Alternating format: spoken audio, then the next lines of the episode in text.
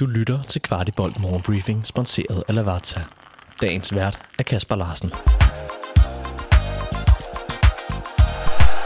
Det er blevet fredag den 10. februar, og i aften møder vi AK Stockholm i den næstsidste test, før det går løs om ni dage mod Silkeborg.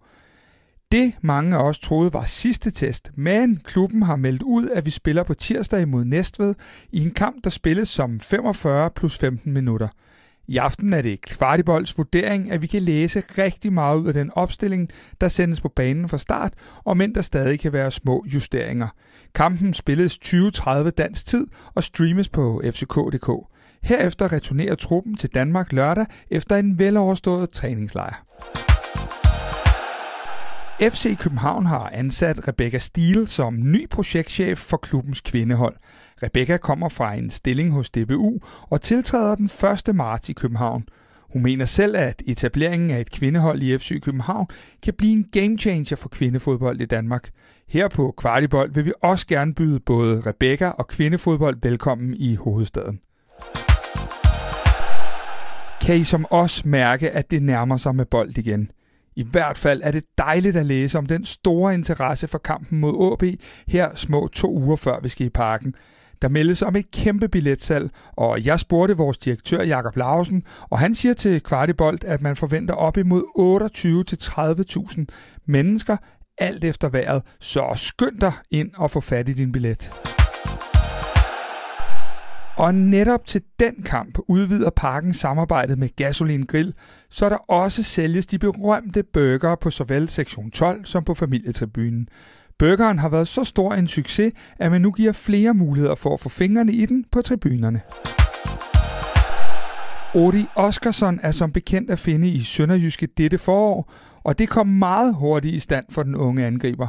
Han havde håbet på en udlejning for at få mere spilletid i foråret, og pludselig opstod chancen kort før vinduet lukkede, fortæller Ori til Footballti. Odi fortæller, at Nistrup kender Thomas Nørgaard, der er cheftræner i Sønderjyske, og mente, det var et glimrende match. Odi kan få sin officielle debut næste søndag, når Sønderjyske på udebane møder Næstved. Her på Kvartibold vil vi i foråret holde skarpt øje med, hvordan det går vores islandske striker.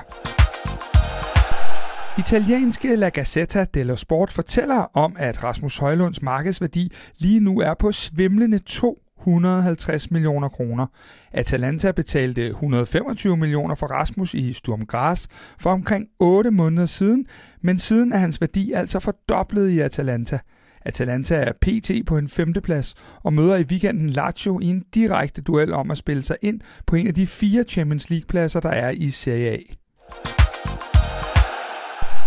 FC København har nu rundet 56 samarbejdsklubber, efter at Roskilde netop er kommet med i folden. Det vil sige, at omkring 12 procent af alle registrerede fodboldspillere i Danmark nu er medlem i en af FC Københavns samarbejdsklubber.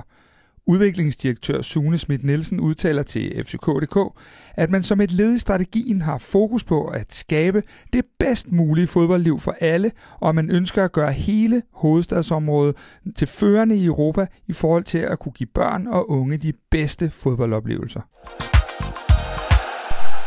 Og husk så, at næste gang der er morgenbriefing, så er vi gået ind i det, der hedder en Superliga-uge med kamp om søndagen – Ventetiden er så småt ved at være overstået.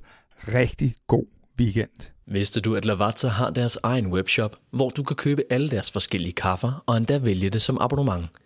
De har blandt andet også kaffer, som du ikke finder andre steder i Danmark, som deres Espresso Maestro, der er økologisk og Rainforest Alliance certificeret. Udover de mange lækre kaffer, så har du også mulighed for at vælge forskellige kaffemaskiner eller som en del af et abonnement. Shop løs på shop.lavazza.dk du har lyttet til Kvartibolt Morgenbriefing.